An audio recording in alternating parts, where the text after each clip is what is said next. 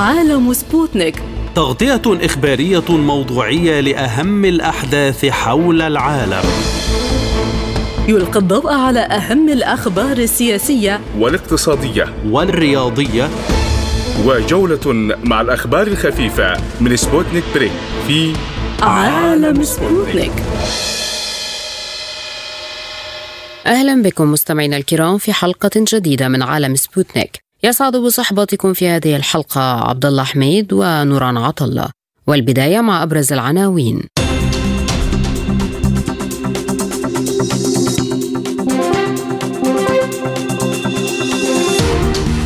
حماس تحمل المجتمع الدولي مسؤولية استمرار الحرب الإسرائيلية على غزة وإسرائيل تقول إن حماس تسببت في استئناف القتال. رغم عودة القتال استمرار الجهود المصرية القطرية بالتزامن مع جولة بلينكن للإفراج عن الرهائن. البنتاغون يعلن تعرض القوات الأمريكية في الشرق الأوسط ل 74 هجوما منذ السابع عشر من أكتوبر الماضي. زيادة التوتر بين إسبانيا وإسرائيل التي تستدعي سفيرها في مدريد بعد تصريحات سانشيز بشأن الحرب على غزة.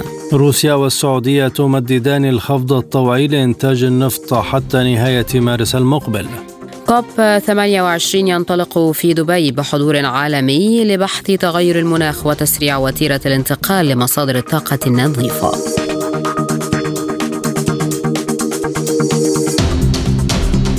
إلى التفاصيل حملت حركة حماس التي تحكم قطاع غزة مسؤولية استمرار الحرب إلى إسرائيل وقال المكتب الإعلامي الحكومي في بيان صحفي أن جيش الاحتلال الإسرائيلي بدأ في مواصلة حرب الوحشية على الشعب الفلسطيني في قطاع غزة حيث واصل قصف واستهداف العديد من المنازل والمناطق الآمنة في أكثر من محافظة بالقطاع. وأضاف البيان أنه يتحمل المجتمع الدولي وفي مقدمتهم الولايات المتحدة ممثلة بالرئيس الأمريكي ووزير خارجيته المسؤولية عن جرائم الاحتلال الإسرائيلي واستمرار الحرب الوحشية ضد المدنيين والأطفال والنساء في قطاع غزة. بينما أعلن الجيش الإسرائيلي أن حركة حماس خرقت اتفاق وقف الأعمال القتالية وقامت بإطلاق القذائف نحو الأراضي الإسرائيلية وبالتالي استأنف الجيش الإسرائيلي القتال ضد الحركة في قطاع غزة. وسبق أن ترددت أنباء عن انتهاء التهدئة بين إسرائيل وحماس صباح الجمعة ولم يتم الإعلان عن تمديدها رسميا وبذلك انتهى وقف الأعمال العدائية بين إسرائيل وحماس اليوم. وقال المتحدث باسم وزارة الصحة في غزة الدكتور أشرف القدرة إن إسرائيل قتلت 14 فلسطينيا وأصابت العشرات خلال القصف على القطاع منذ الصباح وأضاف أن معظم الضحايا من النساء والأطفال. وقال الجيش الإسرائيلي إن صافرات الإنذار دوت في تجمعات سكنية قريبة من قطاع غزة. وذكرت وزارة الدفاع الإسرائيلية أن صافرات الإنذار دوت في جنوب إسرائيل. من عمان تنضم إلينا الدكتورة نادية سعد الدين الكاتبة والمحللة السياسية أهلا بك دكتورة كيف يمكن أن يكون القتال في هذه المرحلة برأيك؟ نعم أستاذ شكرا لحضرتك بالرغم من جهود مصرية قطرية كثيفة وضغوط دولية على الاحتلال الإسرائيلي من أجل تمديد الهدنة اليوم لأيام أكثر إلا أن سلطات الاحتلال قررت إنهاء هذه الهدنة واستئناف عدوانها مجددا على قطاع غزة. هذا كان أحد بالفعل الاحتمالات التي كانت متوقعة حقيقة. قبل انتهاء الهدنة بأن يرفض الاحتلال تمديدها والادعاء بحدوث خروقات للهدنة الإنسانية من جانب حماس. كان ذلك يعني متوقع من قبل الاحتلال الذي كان يهدد قبل انتهاء الهدنة بانه يريد استئناف الحرب وأن حربه على غزة ستكون طويلة ولن تتوقف إلا إذا حقق أهدافه. الاحتلال حتى الآن لم يحقق أو فشل بالأحرى في تحقيق أهدافه التي زعم بها منذ بداية العدوان على قطاع غزة. حتى الآن لم يتحقق منها أي شيء. هناك تخوف كبير من تصعيد القصف في جنوب غزة خاصة بعد أن أصبح مكدسا نتيجة نزوح مئات الآلاف من الشمال. نعم كما تفضلتم أستاذ هذه مخاوف حقيقية. وخلال زيارة وزير الخارجية الأمريكي أنتوني بلينكين إلى فلسطين المحتلة ولقائه المسؤولين من كلا الجانبين الفلسطيني والإسرائيلي عبر للمسؤولين الإسرائيليين عن مخاوف الولايات المتحدة بأن يستأنف الاحتلال عدوانه كما كان عليه الحال قبل بدء الهدنة. وهنا الخطورة تكمن لأن يعني جنوب القطاع لن يكون كما شماله. الجنوب يريد الاحتلال أو بحسب مخططه هو يريد استهداف منطقة أصلا مكتظة بالسكان وضمن مساحة ضيقة جدا من القطاع وتكدست بأعداد إضافية بعد نزوح آه، يعني أعداد كبيرة من سكان غزة من شمال القطاع إلى جنوبه. يريد الاحتلال بحسب مخططه آه، أن ينزع هؤلاء السكان إلى منطقة أكثر آه، يعني ضيقا في الجنوب. وهذا أمر يعني غير قابل أصلا للتطبيق. وبالتالي فإن استئناف هذا العدوان على هذه المنطقة المكتظة بأعداد هائلة آه، من السكان ومساحة ضيقة ولا يوجد أصلا أي مخرج بالنسبة إليهم آه، آه، حتى يلجأوا إليه فهذا سيؤدي إلى الارتقاء المزيد من الدماء الفلسطينية سقوط سقوط العديد من الضحايا المدنيين آه، آه، أيضا سيؤدي إلى تدمير هائل آه، في البنية التحتية وأيضا سيعيق أي مساعي مجددة من أجل تحقيق هدنة إنسانية جديدة أو حتى دخول المساعدات الإنسانية. البيت الأبيض أكد دعمه لإسرائيل إذا استأنفت القتال ثم طالب بالحفاظ على أرواح المدنيين. لماذا هذا التناقض المستمر في الموقف الأمريكي الذي يمد إسرائيل أيضا بالسلاح؟ نعم هذا يعني أنا لا أعتبره تناقضا حقيقة لأن الموقف الأمريكي كان واضحا تماما منذ بدء عدوان الاحتلال على قطاع غزة. أعطى الضوء الأخضر للاحتلال الإسرائيلي وبدون خطوط حمراء. قدم له دعما عسكريا غير مسبوق الحقوق مقارنة بحروب الاحتلال السابقة على غزة وأيضا دعما ماليا وحتى محاولاته الآن من أجل آه، عدم تكرار ما حدث في شمال القطاع هي من باب إبداء النصائح فقط وليس محاولة لإيجاد أي ضغوط أمريكية حقيقية على الاحتلال لوقف عدوانه. حتى في هذه النقطة يتحدث آه، تتحدث الإدارة الأمريكية عن ضرورة ضبط النفس بالنسبة للاحتلال أي لا مانع لديها باستئناف الاحتلال للعدوان على غزة ولكن شريطة أن يحافظ على أرواح المدنيين وهذا أكبر تناقض يكشف حقيقة دعمه المفتوح. فكيف سي يتم هذا العدوان بغارات الاحتلال الجوية الكثيفة بقصفه الكثيف وحتى أيضا آه، قد يكون في مرحلة متقدمة توغل بري جديد. كيف يكون ذلك بدون سقوط الآلاف من الضحايا المدنيين؟ والكل يعرف آه، قطاع غزة جيدا وخريطته الجغرافية وتحديدا في الجنوب بعد آه، انتقال أو نزوح عدد من السكان من شماله إلى جنوبه. هذا يكشف حقيقة الدعم الأمريكي والغربي أيضا. تقاعس المجتمع الدولي حقيقة منذ اليوم الأول للعدوان الاحتلال على قطاع غزة تقاعسه عن القيام بأي دور حقيقي أو فاعل من أجل الضغط على الاحتلال لوقف عدوانه. هي مجرد فقط تصريحات إدانة. إذا ما مصير دخول المساعدات الإنسانية إلى قطاع غزة في ظل المطالبات بزيادتها وشكوى المدنيين من قلتها. نعم يعني حقيقة في ظل هذا الوضع وفي ظل تجدد غارات الاحتلال وتجدد عدوانه كيف من الممكن إتاحة المجال لإدخال المساعدات الإنسانية مجددا إلى قطاع غزة؟ هذا قد يعيق حركة دخولها وكانت من الأساس إيه، هناك شكوى من قبل المواطنين الفلسطينيين في قطاع غزة بأنها إيه، لا تصل بذات الكميات المعلن عنها أو حتى لا تكفي للاحتياجات الأساسية الضرورية لسكان غزة وقد مضى وقت طويل حتى استطاعت هذه المساعدات الوصول إلى شمال القطاع.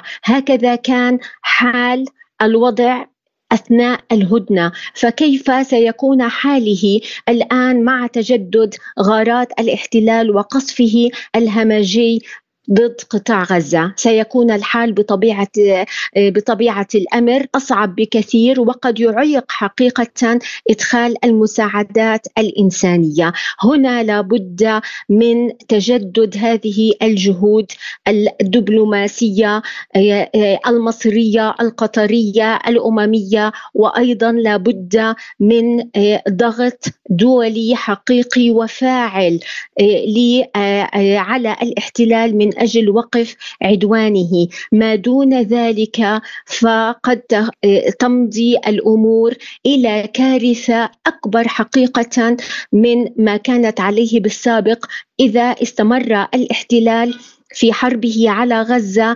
متوهما بأنه قد يستطيع تحقيق أهدافه أو أنه يريد نتنياهو الخروج أي إنجاز أي إنجاز كان من هذه الحرب التي فشل في تحقيق أهدافها؟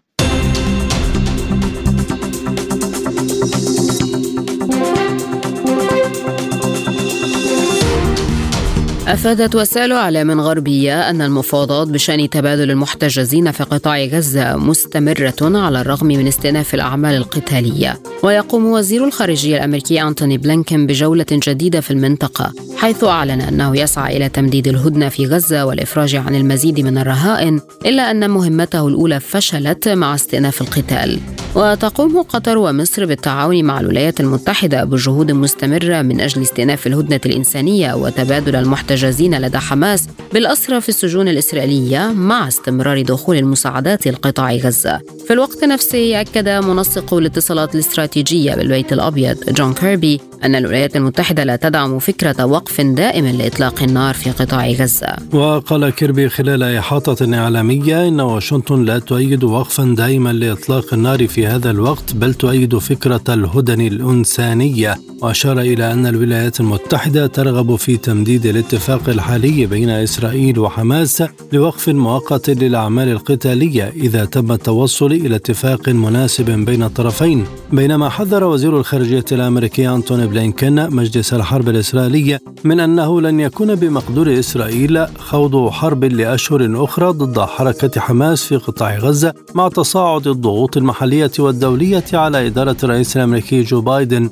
لوضع حد للقتال كما طلب بلينكن الحكومة الإسرائيلية باتخاذ إجراءات إضافية لوقف عنف المتطرفين الإسرائيليين في الضفة وأعلن أن الولايات المتحدة تدرس أيضا إجراءات خاصة بها في هذا الشأن. من بيروت تنضم إلينا الكاتبة الصحفية أستاذة أورنالا سكر. بعد تحية يعني هل يمكن التوصل سريعا إلى هدنة جديدة قبل زيادة تصعيد القتال؟ يعني أنا أتوقع أنه الهدنة لا مفر منها يعني لابد من أن تستأنف الجهود باتجاه الهدنة. ولكن على ما يبدو هناك تصميم إسرائيلي بأنه مواصلة القتال في غزة. أما بالعودة للهدنة يعني يبدو أنه الطرف الحماسي يبلي يعني آه، انفتاحا. حول موضوع الهدنة ويعني يريد أنه البحث والتفاوض حول مسائل الأسرى والرهائن ولكن الموضوع متوقف على موضوع الميداني. يعني أنا كما أتابع أجد أنه الإسرائيلي آه، مصمم على أنه يستمر في هذه الحرب العبثية في آه، في المنطقة في عفوا في في فلسطين. فهذا يعني مؤسف. ولو إنه في بحث حول الهدنة يعني أنا أعتقد بما إنه اليوم دخلنا مرحلة تصعيد أصبح موضوع الهدنة قابل للتفاوض ولكن لا أستبعد أن يكون في هدنة وإيقاف الحرب هذا بأدبيات الإسرائيلي طبعا كيف يفهم بدء إسرائيل مباشرة بضرب المناطق المدنية في غزة؟ طبعا هذه ضرب هذه المواقع يدلل على أنه آه، بدأ القتال وأنه موضوع الهدنة قد انتهى وإسرائيل تريد أن تواصل موضوع استهداف حماس وتدمير تدمير ممنهج يعني لموضوع قطاع غزة واسترجاعه يعني كما يعول عليه إسرائيليا. وهل حققت أي من أهدافها حتى تحققه في هذه المرحلة؟ هذا ما نستبعده بالتحديد يعني أنا آه، كما كان الوضع في السابق بالسابق لم تحقق سوى قتل المدنيين والتدمير. وأعتقد أنه سوف يتواصل هذا الموضوع آه، ولن تستطيع أن تحقق هذه الأهداف. وهذا واضح يعني ليس من كلامي أنا فقط. توماس فريدمان قال هذا الشيء وإيلون ماسك تحدث عن نفس المسألة. يعني هناك آه، يعني صعوبة في القضاء على حماس. اولا وثاني شيء الظروف التي فرضتها إسرائيل بهذه الحرب يعني ليست لصالح إسرائيل. يعني إسرائيل امامها خيار واحد أن تقف تتوقف عن هذه الحرب أو أنه تروح فيها للآخر. إذا راحت فيها للآخر كما هو يعول عليه حتما سيترتب على موضوع تداعيات جدا كبيرة. ونحن نشهد يعني الرأي العام كيف يتحرك تجاه القضية الفلسطينية من جهة وموضوع أنه ليست من الأطراف الأخرى يعني أي مصلحة في أنه تستمر الحرب كما هو عليه. يعني مثلا نحن نشهد السعودية نشهد إيران نشهد الوضع بحزب الله في لبنان كيف يتحرك. ف يعني أنا أعتقد إنه الجبهة مفتوحة على كافة السيناريوهات ومحاصره أيضا يعني مش بس مفتوحة محاصرة. يعني أنا أعتقد ليس هناك من تصعيد ولا نية أو رغبة عند الغرب إنه يكون في لدى يعني يعني يكون في زخم أبعد من ما يجري الآن في غزة. يعني يعني يروحوا نحو حرب إقليمية شاملة. أنا أستبعد هذه المسائل. لو إنه في إعلام يعني يسوق لهذه الأدبيات إنه ما بعد الهدنة سوف نشهد تصعيد وحرب وكذا. أنا أستبعد كل هذه الاحتمالات. عودة الحرب في غزة هل تعني عودة التوتر في جنوب لبنان؟ طبعا لأنه نحن هلأ في موضع التفاوض في موضع تحصيل شروط معينة. لأنه نحن آه، في لبنان آه، كما يعني يقول محور المقاومة أنه في وحدة حالة وحدة صحات. لذلك لابد من التصعيد لرفع شروط المفاوضات آه، كيف يمكن يعني التنسيق بشأن رهائن بشأن الأسرى وبشأن الوضع في لبنان أيضا. يعني في حسابات لبنانية داخلية في حسابات حزب الله في حسابات إسرائيل. فأنا أعتقد أنه طبعا سوف يتم تصعيد الجبهة الجنوبية ولكن سوف تكون طبعا محدودة كما كانت كانت السابق لكن لن تتعدى لتشمل الحرب في لبنان على غرار حرب تموز 2006 وخاصة أنه الطرف حزب الله استفاد جدا من حرب تموز ولا يريد أن يكرر نفس التجارب والأخطاء يعني وخاصة أنه كمان هو أبلى في خطابه الأول والثاني نية أنه صحيح أنه ربط الموضوع بتطور الميدان ولكن كمان كان كثير جدا دبلوماسيا وكان يعني مسؤولا في خطابه وفي مخاطبة إسرائيل والغرب أقصد الولايات المتحدة أنه هو لن يتحرك إلا إذا تم مهاجمة لبنان. وأعتقد أعتقد أنه الكل يعني على دراية من كل هذه الحساسيات يعني. ولكن أنا ما أستطيع أن أقوله أنه لا أحد يرغب في هذه الحرب أن تتوسع لأنه في اتفاقيات تعقد في المنطقة والانتخابات يعني آه، قريبة. وإضافة إلى أنه الأطراف جميعها لا تريد الحرب. وهذا واضح من المواقف العربية من مواقف إيران من مو... كل المواقف يعني لا ترغب في الحرب. ما هي المقترحات المتاحة على الطاولة لوقف الحرب تماما وتبادل المحتجزين والرهائن؟ أنا أعتقد أنه اليوم آه، لابد من أن نشير لمسألة أنه إسرائيل استطاعت أن تحقق بعض الأهداف. وحماس حققت أهداف. أوكي؟ هلأ بموضوع آه، إيقاف الحرب أنا أعتقد أنه ينبغي التفاوض حول الأسرى آه، لاسترجاعهم. ولو أنه أدبيات إسرائيل تقول أنه نحن لا يهمنا موضوع الأسرى إذا الموضوع تطلب وجودنا وهيبتنا. يعني بمعنى آخر أنه إسرائيل لن تقف عند حدود سوف تستمر للنهاية. ولكن هناك حسابات ميدانية هناك ظروف معينة قد تجبر الإسرائيلي على على أنه يتراجع في هذه المسائل. في ضغط دولي في ضغط رأي عام في وضع آه، على الأرض على المعارك يعني ميدانيا ما بقى الوضع يحتمل هالقد نزيف وهالقد دماء يعني حقن الدماء. فأنا أعتقد أنه في كتير أسباب بتخلي أنه ألو... أنه الحرب توقف عند مكان محدد يعني. كيف يمكن تقييم الموقف داخل إسرائيل؟ وهل هناك رغبة في حل دبلوماسي أم هناك رغبة في استمرار الحرب؟ هلا طبعا بطبيعة الحال في رغبة للحل الدبلوماسي ونحن شاهدنا مواقف الإسرائيليين الشعب الإسرائيلي المجتمع الإسرائيلي من الأسرى من كيفية التعامل مع الأسرى وموضوع الحرب ككل إنه هن يجنحون باتجاه حلول دبلوماسية. ولكن آه، القيادة الإسرائيلية لديها موقف مختلف إنه هي تريد إنه استرجاع هيبة إسرائيل وتحقيق أهداف يعني اللي تعلن انتصارها. وهو ما يعني هذا ما تنتهي تنتهجه ولكن السؤال هل تستطيع فعل كل هذه؟ أنا هذه القصة لا خرجت عن إطار إسرائيلي كإسرائيل لأن هناك موقف أمريكي بالموضوع.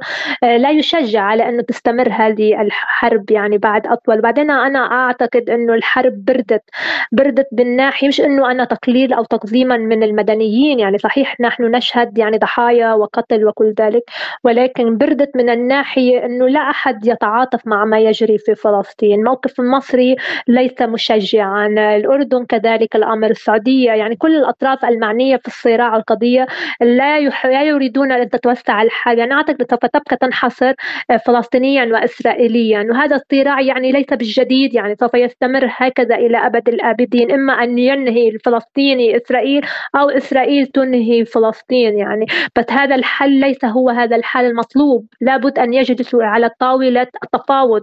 بس ولكن المشكلة هنا ليست في موضوع التفاوض. اليوم في معادلة جديدة أنه حماس فرضت آه، معادلة جديدة بالردع. أوكي؟ من الناحية أنه آه، حققت شروط معينة وأهداف معينة وجعلت الاسرائيلي يستنزف في مكان ما أنه يقاتل المدنيين. وهذا الشيء ربما قد يساعده في فرض معادلات ثانية بس أنا اللي بحب أقوله على جهة الإسرائيلي الإسرائيلي عليه أن يصل إلى قناعة أنه ما في يستمر بمجتمع محاط بالعداء له بالشكل هيدا. أنه يسم يعني يضلوا على نفس النهج. لازم أنه تتغير أدبيات الإسرائيلي أنه يعترف بالآخر. هذه الفكرة. وطالما أنه أصله والمفاوضات والتنازلات اللي قدمت من طرف فلسطين في السابق ذلك لم تنجح فعلى ماذا يعولون اليوم؟ هون السؤال الكبير. فأنا أستبعد أي حلول وأي يعني إمكانية إلا إذا استطاعت حماس أن تفاوض الإسرائيلي من الباب القوة. وأنا أعتقد أنه القوة اليوم مهزوزة يعني أنا لا أجد لا عندهم قوة ولا الطرف الإسرائيلي قادر أنه أنه يكفي بهالإجرام هيدا. يعني هذا بيسيء للغرب لديمقراطية الغرب. لكثير تفاصيل خاصة بالغرب وخاصة بإسرائيل كدولة تعتبر أو تعتبر نفسها ديمقراطية. يعني عم بحكي من الناحية الأدبية الإسرائيلية. بس أنا بستبعد أي حلول وهذا الصراع سوف يستمر. يعني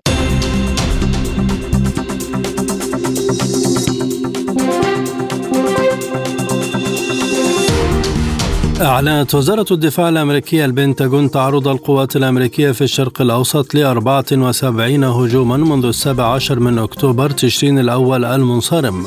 وأفادت نائبة المتحدث باسم البنتاغون في مؤتمر صحفي بأن إجمالي عدد الهجمات بلغ 47 مشيرة إلى أن الهجوم الأخير وقع يوم الثلاثاء في سوريا ولم يسقط خلاله ضحايا أو دمار. وفي الأسبوع الماضي ذكرت المتحدثة باسم البنتاغون أن القوات الأمريكية في العراق وسوريا تعرضت ل 66 هجوما منذ السابع عشر من أكتوبر أدت إلى إصابة 62 من عناصر القوات الأمريكية في البلدين. وكانت جماعة أنصار الله اليمنية قد هددت باستئناف هجماتها بالصواريخ والطائرات المسيرة على إسرائيل وتوسيعها في حال استأنفت إسرائيل تنفيذ عملياتها العسكرية في قطاع غزة عقب انتهاء الهدنة المؤقتة.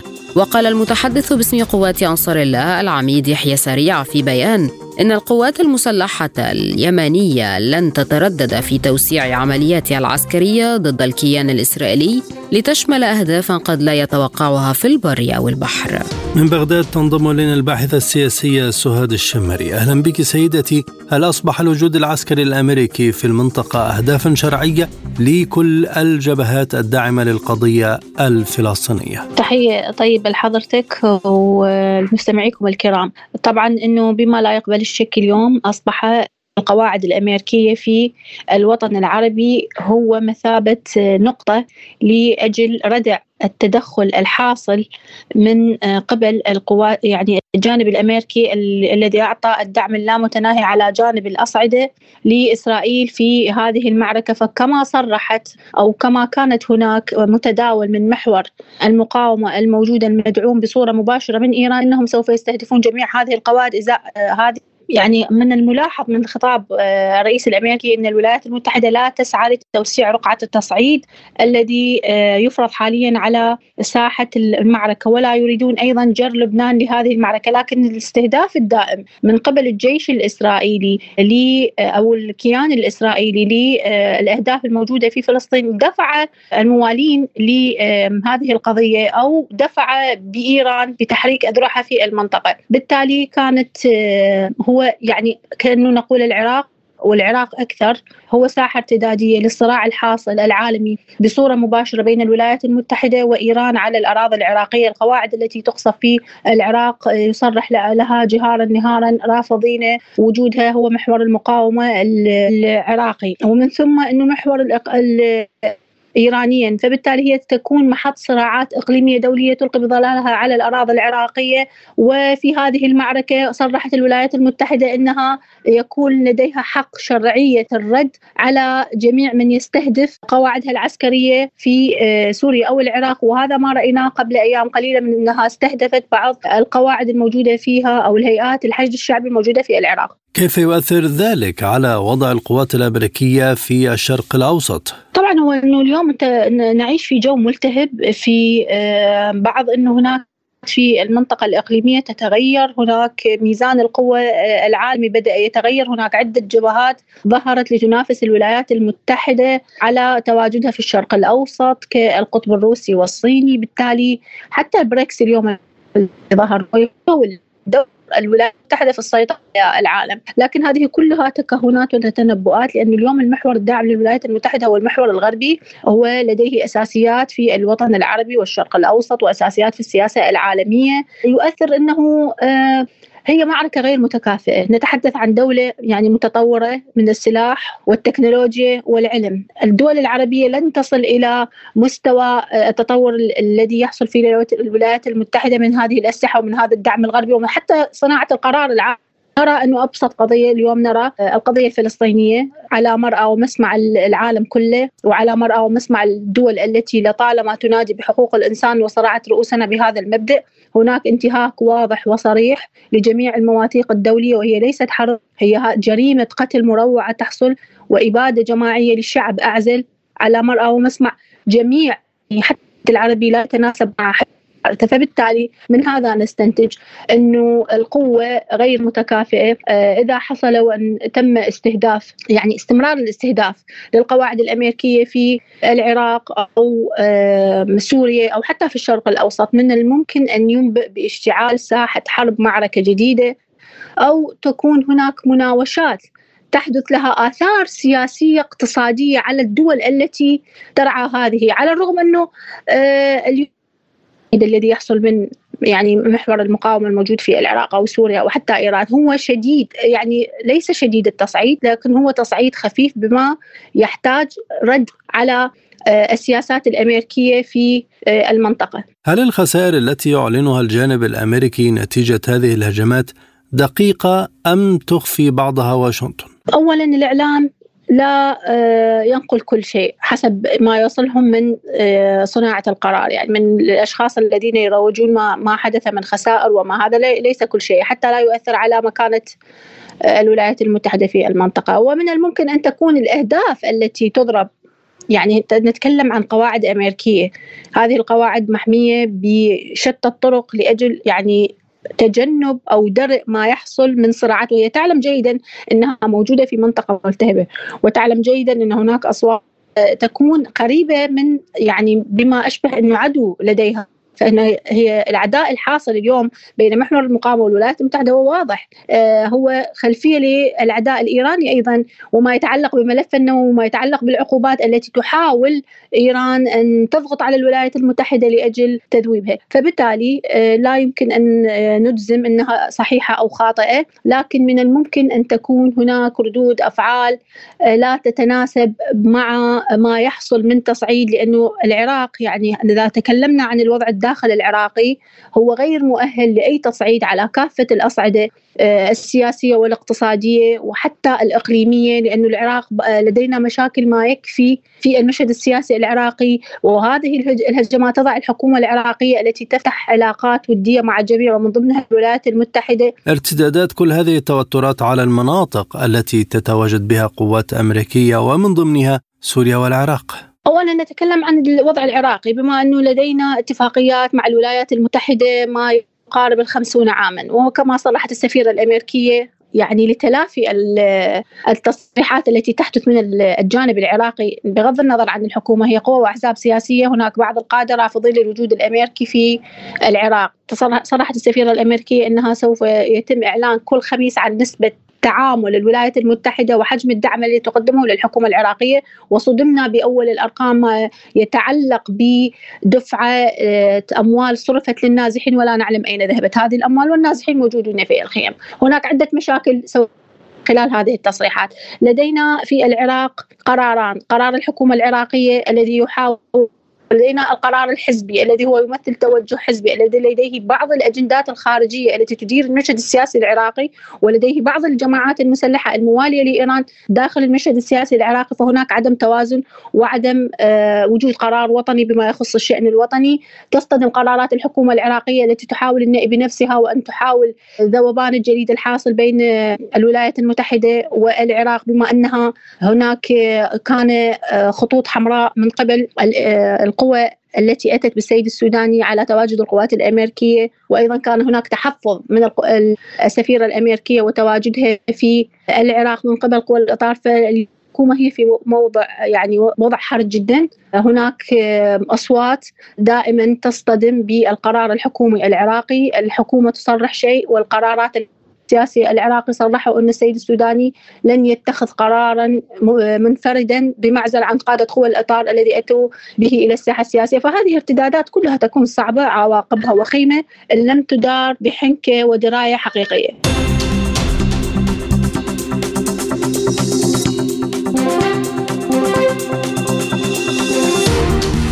تشهد العلاقات الدبلوماسية بين إسبانيا وإسرائيل توترا متصاعدا وذلك نتيجة الموقف الإسباني من الحرب التي تشنها إسرائيل على غزة. رئيس الوزراء الإسباني بيدرو سانشيز قال إنه يشك في أن إسرائيل تحترم القانون الدولي بالنظر إلى عدد الضحايا من المدنيين في غزة وهي التصريحات التي دفعت تل أبيب إلى استدعاء السفيرة الإسبانية لتوبيخها للمرة الثانية خلال أقل من أسبوعين في تطور جديد للخلاف الدبلوماسي. وكتب وزير الخارجية الإسرائيلي إلي كوهان عبر حسابه على منصة إكس أنه بسبب التصريحات المشينة لرئيس الوزراء الإسباني الذي كرر مرة أخرى ادعاءات لا أساس لها من الصحة. قررت استدعاء السفيرة الإسرائيلية لدى إسبانيا مجددا إلى القدس للتشاور. وذكر رئيس الوزراء الإسباني في مقابلة تلفزيونية إن الصور التي نشاهدها والأعداد المتزايدة من الأطفال الذين يموتون لدي شك جدي في أن إسرائيل تلتزم بالقانون الدولي الإنساني وأضاف ما نراه في غزة غير مقبول. هذه ليست المرة الأولى التي تستدعي فيها تل أبيب السفيرة الإسبانية لديها لاحتجاج على التصريحات والمواقف الإسبانية بشأن الحرب التي تخوضها إسرائيل في غزة. وخلال زيارة لرئيس الوزراء الإسباني مع نظيره البلجيكية لمعبر رفح يوم الجمعة الماضي بمصر على الحدود مع غزة ندد سانشيز بما وصفه بأنه قتل بلا تمييز للفلسطينيين في غزة داعيا إلى وقف إطلاق نار إنساني دائم لإنهاء الوضع الكارثي الذي يعيشه سكان القطاع. من مدريد ينضم إلينا الكاتب والمحلل السياسي الأستاذ صلاح قراط أهلا بك سيد الكريم. كيف يؤثر الضغط الإسباني إذا على إسرائيل؟ الحقيقة موقف إسبانيا كان متقدم ومتميز منذ اللحظات الأولى لاندلاع الحرب في في غزة. كانت متوازنة في علاقاتها منسجمة مع ذاتها أضف لذلك يعني كانت قد وضعت نصب أعينها القانون الدولي العام والقانون الدولي الإنساني.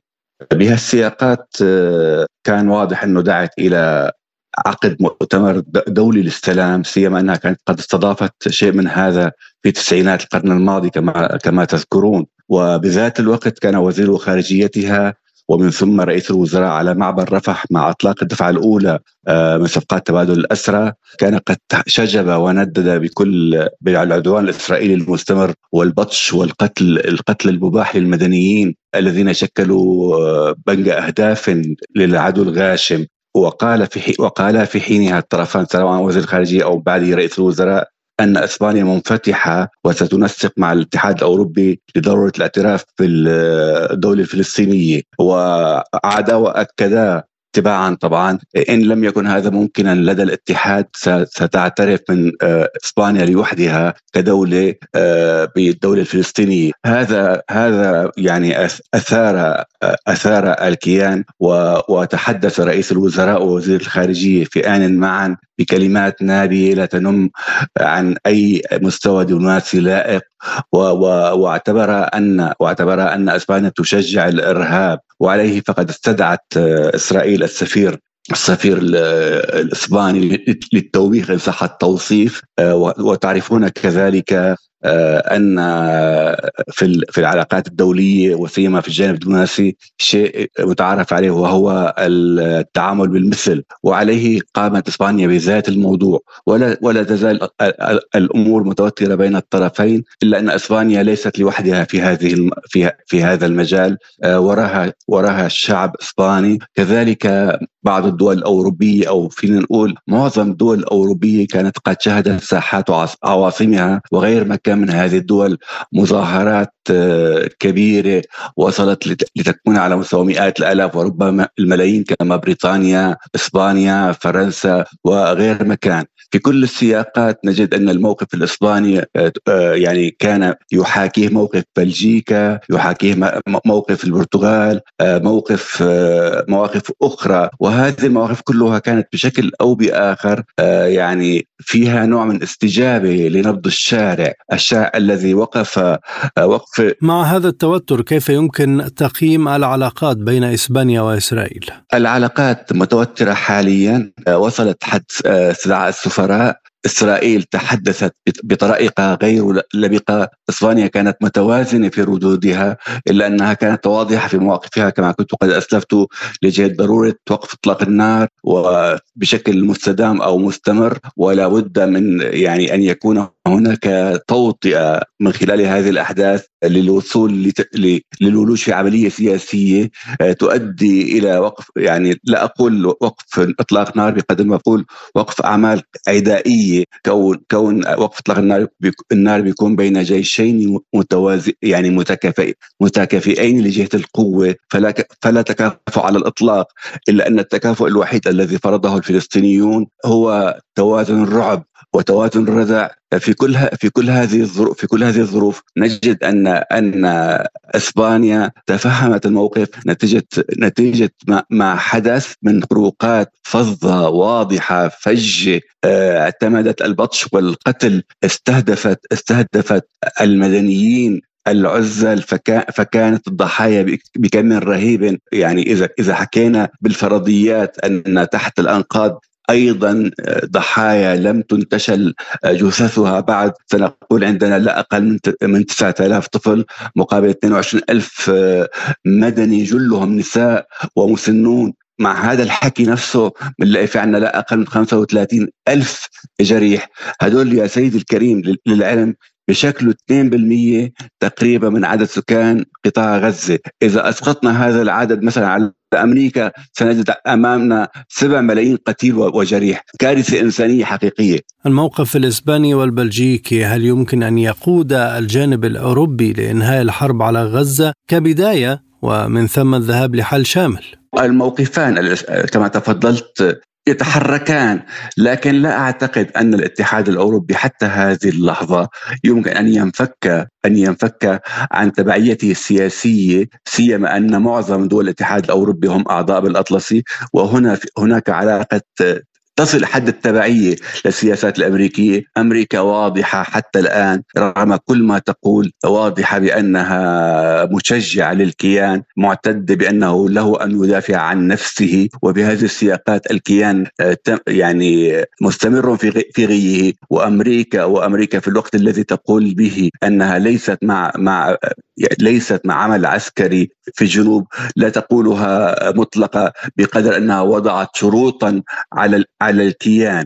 بكل هذا بكل هذا نجد أن الكونغرس الأمريكي يخطط أو أو يتدارس آه، اعضائه على على شكل من أشكال الاجلاء الإجلاء القسري لأهلنا الفلسطينيين في قطاع غزة بما يحاكي تطهير عرقي، إضافة لذلك يفكرون بتوزيع سكان آه، القطاع بين مصر واليمن والعراق وتركيا. يعني وكأننا أمام آه، سياسات صهيونية حقيقية فجة تعتمد آلة القتل بشكل غاشم تنفذها أمريكا في المنطقة، أمريكا دائما والأوروبيون لم يتحرروا يعني حتى الآن ولا أظن ان أن لهم أن يتحرروا على المدى المنظور.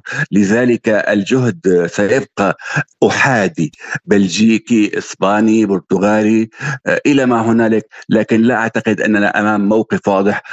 رغم الشجب والتنديد الذي يتحدث به آه، منسق السياسات الخارجية والأمنية جوزيف بوريل إلا أنني لا أعتقد أننا أمام موقف أوروبي موحد آه، يدعو إلى وقف نار أو وقف أعمال عدائية آه، تؤسس للولوج بعمليه سياسيه تنتهي بحول الله بقيام دولة فلسطينية، لا أعتقد أننا أمام هذا على المدى المنظور حاليا.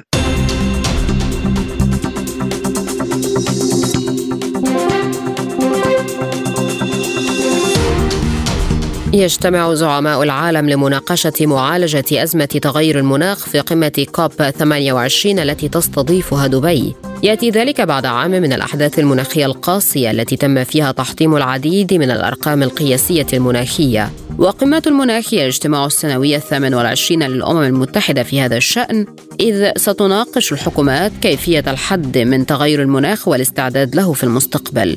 ترمز كوب إلى الأحرف الأولى من مؤتمر الأطراف والأطراف هي البلدان التي وقعت على اتفاقية الأمم المتحدة الأصلية للمناخ في عام 1992 وتعتبر دولة الإمارات العربية المتحدة التي تستضيف القمة واحدة من أكبر عشر دول منتجة للنفط في العالم.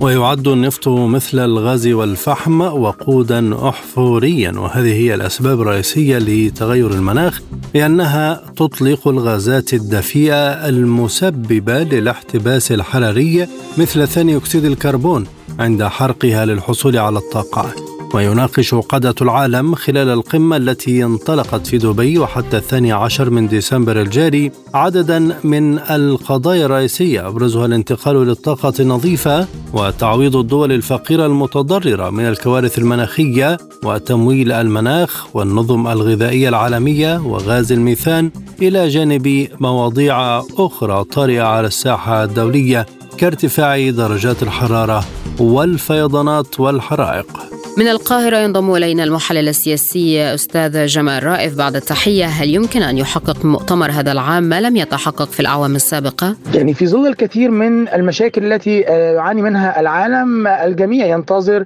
مخرجات مهمة من كوب 28 ومن الإمارات في رئاستها لهذا المؤتمر خصوصا أن هناك منجزات تحققت بالفعل سواء خلال مؤتمر باريس أو مؤتمر شرم الشيخ خاصة أن أيضا آه، يعني الإمارات هي دولة نفطية وحينما تأخذ بزمام المبادرة للتخلي عن آه، الكثير من الاستخدامات النفطية أو آه، يعني استبدال الاستخدامات النفطية بالطاقة الشمسية وتأخذ بزمام المبادرة. هذا أيضا حافز كبير جدا للكثير من الدول النفطية خاصة الخليجية وبالتالي هي مبادرة مهمة للغاية من دولة كانت تعتمد في الأساس وما زالت تعتمد في الأساس على على النفط كمورد رئيسي آه، سواء الدخل القومي أو حتى للطاقة. وبالتالي نحن نتحدث عن دولة مهمة للغاية الغايه لتطلق مبادرة الآن ومن خلال استضافتها لهذا المؤتمر لتكون نموذج مهم أمام العالم لكيفية التحول من الطاقة آه، التقليدية إلى الطاقة النظيفة. أعتقد من أهم المخرجات المنتظرة من هذا المؤتمر هو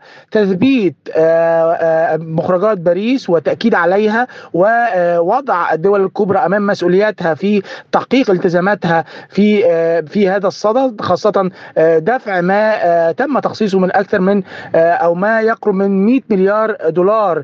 تعهد تعهدت بها الدول الكبرى للدول النامية لتحمل تبعات التغيرات المناخية. أيضا المنجز الآخر الذي من المتوقع أيضا أن يكون حاضرا في آه، نهاية هذا المؤتمر هو أيضا مواصلة الدعم آه، الخاص بالصندوق آه، المتعلق ب يعني تحمل تبعات الكوارث الناتجة عن التغيرات المناخية الذي تم تأسيسه في مؤتمر كوب 27 شرم الشيخ. ومن المتوقع أيضا أن يكون هناك بعض المبادرات وبعض يعني الأنشطة التي تخرجها أو تصدر عن هذا المؤتمر خاصة إن الإمارات لديها الكثير من الأوراق ولديها الكثير من الأنشطة والاعمال التي تم بالفعل تحضير لها خلال العام الماضي بالتنسيق مع دولة الرئاسة السابقة وهي الدولة المصرية. وبالتالي من المنتظر أن نرى الكثير الكثير من المخرجات. ننتظر أيضا تطبيقها على أرض الواقع من خلال التزام الدول الكبرى بتعهداتها تجاه هذه القضية. هل الخلافات الدولية من الحرب على غزة تأثير على هذا المؤتمر ونتائجه؟ بالتأكيد اشتعال وتيرة الصراعات حول العالم خاصة في مناطق شرق أوروبا والشرق الأوسط وغيرها من مناطق بتلفت الانتباه عن قضايا التغيرات المناخية وبتمثل تحدي حقيقي أمام الاهتمام الدولي وخاصة من الدول الكبرى والدول الغربية بالتحديد تجاه هذه القضايا والخوف أن تتخلى الدول الصناعية الكبرى عن التزاماتها تجاه هذه القضية المهمة المتعلقة بالتغيرات المناخية خصوصا نحن نتحدث عن مؤتمر باريس الذي ألزم الدول الكبرى بتعهدات مالية مهمة لمساعدة الدول النامية في مواجهة مخاطر آه، التغيرات المناخية وتوطين التصنيع الأخضر وغيرها من الأمور وأيضا الوصول إلى مؤتمر شرم الشيخ كوب 27 الذي أيضا أسس لي صندوق لتحمل تبعات أو آه، يعني مواجهه تبعات المخاطر خاصة في الدول النامية والذي يعد من أهم أهم المنجزات المتعلقة بكوب 27 وبالتالي من من التأكيد أو آه، من المحتمل أن يكون هناك تسليط ضوء مهم جدا خلال كوب 28 على أهمية عدم آه، الالتفات إلى الصراعات وإهمال قضايا التغيرات المناخية. في هذا التوقيت الذي تشهد أو يشهد فيه العالم ظواهر مناخية متطرفة لا تقل خطورة عن الحروب وأضرارها تتماثل وأضرار الحروب والصراعات فيما يتعلق بالضحايا أو الخسائر المادية والبشرية والمصابين وبالتالي لا يمكن أن آه، تأخذ الصراعات محل آه، القضية الأهم وهي القضية الخاصة بالتغيرات المناخية يعول على كوب 28 وعلى استضافة الإمارات آه، المتحدة وكونها طبعا دولة أيضا عربية ومنشغلة بقضايا التغيرات المناخية خاصة في فيما يتعلق بالدول النامية والدول العربية أن يكون هناك إحداث لحراك دولي فيما يتعلق بإعادة الاهتمام مجددا لقضايا التغيرات المناخية خاصة بعد تصاعد الصراع في الشرق الأوسط الذي غطى بدوره على الكثير من القضايا وعلى رأسها التغيرات المناخية ما هي أهم الأولويات المطروحة على أجندة المؤتمر؟ أهم الأولويات المطروحة أمام كوب 27 بالتأكيد هي فكرة التحول من الطاقة التقليدية إلى الطاقة النظيفة وخلق بدائل تمويلية أيضا للدول النامية لتنمية قدرتها على استخدام الطاقة النظيفة خصوصا إن هذه الدول النامية تحتاج إلى توطين التكنولوجيات آه، النظيفة والخضراء وتنمية أيضا فكرة الاقتصاد الأخضر في الدول العربية والدول الأفريقية بالتحديد وأيضا من ضمن الأولويات بالتأكيد والتي دائما تكون حاضرة على آه، أجندة آه، مؤتمرات الأمم المتحدة للتغيرات المناخية هي ما يتعلق بالتزام الدول الكبرى بدفع التزاماتها تجاه الدول النامية فيما يتعلق بتوطين التكنولوجيات الخضراء وأيضا يعني مساعدة الدول النامية في تحمل تبعات التغيرات المناخية. أيضا أعتقد إن من ضمن الأولويات أيضا البناء على فكرة العدالة في تحمل التبعات الخاصة بالتغيرات المناخية والتي طرحتها الدولة المصرية خلال رئاستها لكوب 27 لأن هذه أيضا قضية مهمة للغاية لا يمكن للدول النامية أن توقف عجلة التنمية الخاصة بها في مقابل أن تتحمل تبعات الثورة الصناعية التي قامت بها الدول الغربية بالتحديد وبالتالي هناك أيضا عدالة في تحمل تبعات التغيرات المناخية يجب أن تقوم من خلالها الدول الكبرى بمساندة الدول النامية حتى تستطيع الدول النامية ألا توقف عجلة التنمية وبناء وفي نفس الإطار أن تحافظ على البيئة. بالنسبة لعملية التمويل للانتقال إلى الطاقه النظيفه، هل يشهد استجابة حقيقية من الدول الكبرى في وضع ميزانياتها خلال السنوات القادمة؟ يعني بالتأكيد التمويل أصبح عقبة كبيرة جدا خصوصا مع انغماس الدول الصناعية الكبرى في الكثير من الصراعات في العالم وهذا في الحقيقة يعرقل مسارات التمويل الخاصة ب يعني قضايا التغيرات المناخية وهذا خطر كبير جدا على مستقبل التغيرات المناخية وأعتقد إن الدول الكبرى عليها أن لا توجه أموالها فقط ل يعني تنمية الصراعات بل عليها أن توجه هذه الأموال إلى تنمية البيئة وإحداث ثورة خضراء وتنمية الطاقة النظيفة والاقتصاد الأخضر. هذا أولى في هذا التوقيت الذي يشهد فيه العالم تغيرات مناخية متطرفة تعصف به كافه دول العالم لا تفرق بين الدول النامية والدول الكبرى. وبالتالي أنا أعتقد إن ضعف التمويل أزمة حقيقية تتضاعف خطورتها الآن مع اشتعال وتيرة الصراعات حول العالم. وهذه أزمة كبيرة سوف تواجه المجتمع الدولي خلال هذه المرحلة إن لم يكن هناك يقظة حقيقية. يمكن أن تولد من خلال كوب 28 ومن خلال يعني هذا المؤتمر لإيقاظ ضمير العالم لإعادة ضخ التمويل بانتظام وبكثافة إلى قضايا التغيرات المناخية حتى نستطيع أن نتحمل وتتحمل الدول بشكل عام تبعات هذه التغيرات التي أصبحت صعبة للغاية. ولا تقل حدتها عن حدة الحروب والصراعات وأيضا أن يكون هناك التزام حقيقي أمام المجتمع الدولي من الدول الكبرى تحديدا تجاه الدول النامية التي أصبحت تعاني من الصراعات وأيضا من تبعات التغيرات المناخية. مستمرون معكم وهذه تذكرة بأهم ملفاتنا.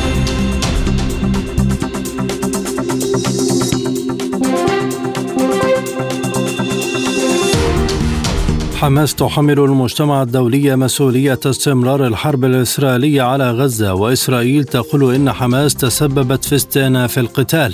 رغم عودة القتال استمرار الجهود المصرية القطرية بالتزامن مع جولة بلينكن للإفراج عن الرهائن.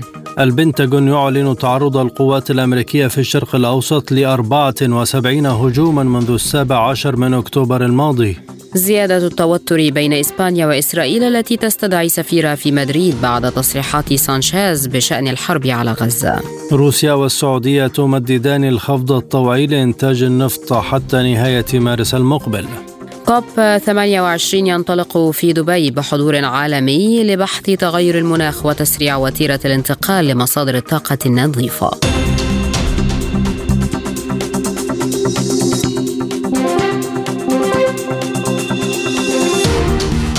أعلن نائب رئيس الوزراء الروسي ألكسندر نوفاك أن روسيا ستعمل على تعميق عملية الخفض الطوعي لإمدادات النفط إلى 500 ألف برميل يوميا وتمددها حتى نهاية الربع الأول من عام 2024 وتابع نوفاك قائلا للحفاظ على استقرار السوق سيتم إرجاع الكميات الإضافية من التخفيض إلى السوق بوتيرة تعتمد على ظروف السوق. في الوقت نفسه أعلنت وزارة الطاقة السعودية أن المملكة العربية السعودية ستواصل الخفض الطوعي لإنتاج النفط بمقدار مليون برميل يوميا والذي بدأ تطبيقه في شهر يوليو تموز 2023 حتى نهاية الربع الأول من عام 2024 وذلك بالتنسيق مع بعض الدول المشاركة في اتفاق أوبك بلس. وبذلك سيكون إنتاج المملكة ما يقارب 9 ملايين برميل يوميا حتى نهاية شهر مارس من عام 2024 الآن إلى جولة من الأخبار حول العالم.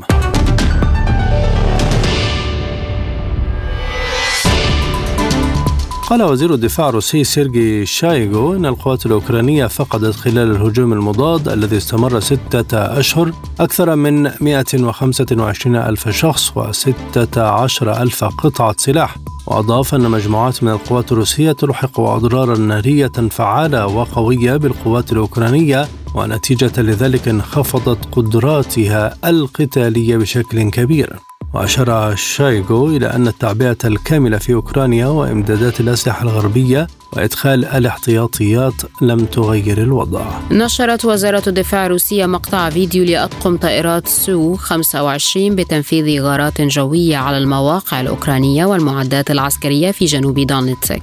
وبحسب الفيديو المنشور يقوم طاقم الطائرات سو 25 بشن ضربات جوية على مواقع أوكرانية ومعدات عسكرية تابعة لنظام كييف على محور جنوب دونيتسك.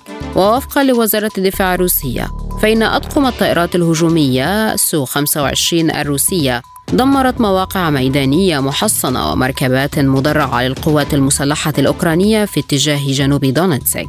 وأعلنت وزارة الدفاع الروسية قيام وحدات من مجموعة الجنوب التابعة للقوات الروسية بتحرير قرية أرتيوموفسكي في جمهورية دونيتسك الشعبية. في الوقت نفسه نشرت وزارة الدفاع الروسية مقطع فيديو يظهر فيه قيام المسيرات الروسية بتدمير المعاقل الأوكرانية بالقرب من كليشيفكا. وبيلوغوروفكا ووفقا للدفاع الروسية فإن مشغلي الطائرات الروسية تمكنوا من تحديد معاقل ومواقع القوات الأوكرانية حيث تم تدميرها بواسطة المسيرات وتواصل القوات المسلحة الروسية تنفيذ عملياتها العسكرية الخاصة بهدف نزع سلاح أوكرانيا لدرء التهديدات الصادرة عن الأراضي الأوكرانية لأمن روسيا.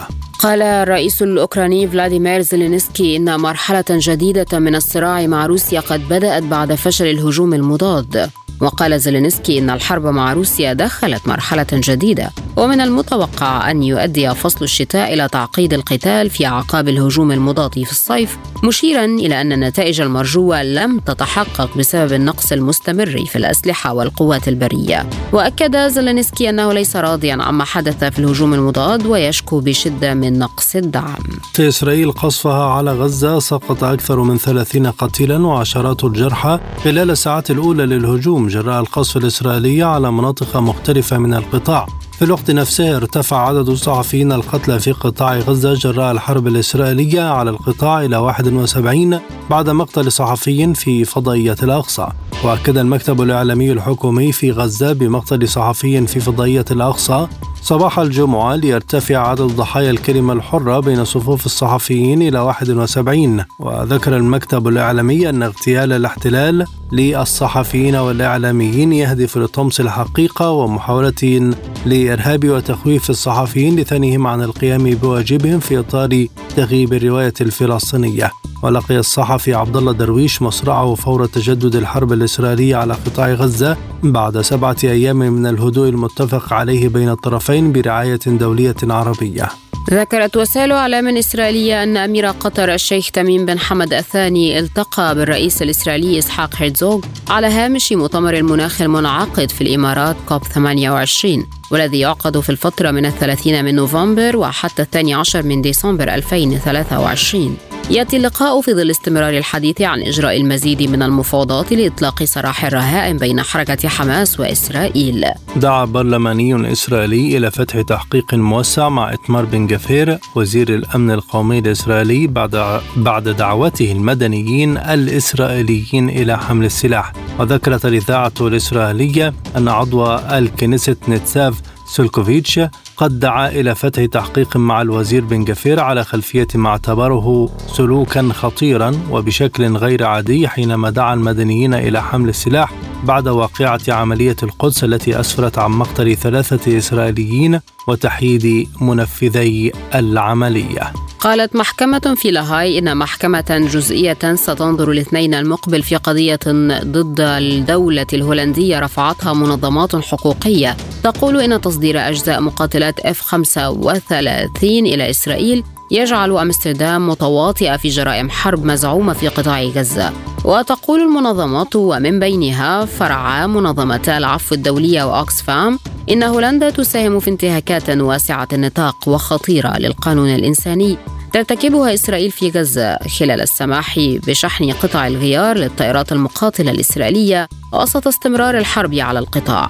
وقالت وزيرة الدفاع الهولندية لوكالة الأنباء الهولندية إنها لن تعلق على القضية قبل بدء إجراءات المحكمة.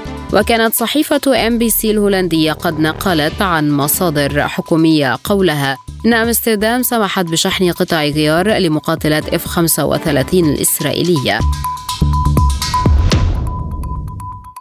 للمزيد زوروا موقعنا على الإنترنت سبوتنيك إلى اللقاء.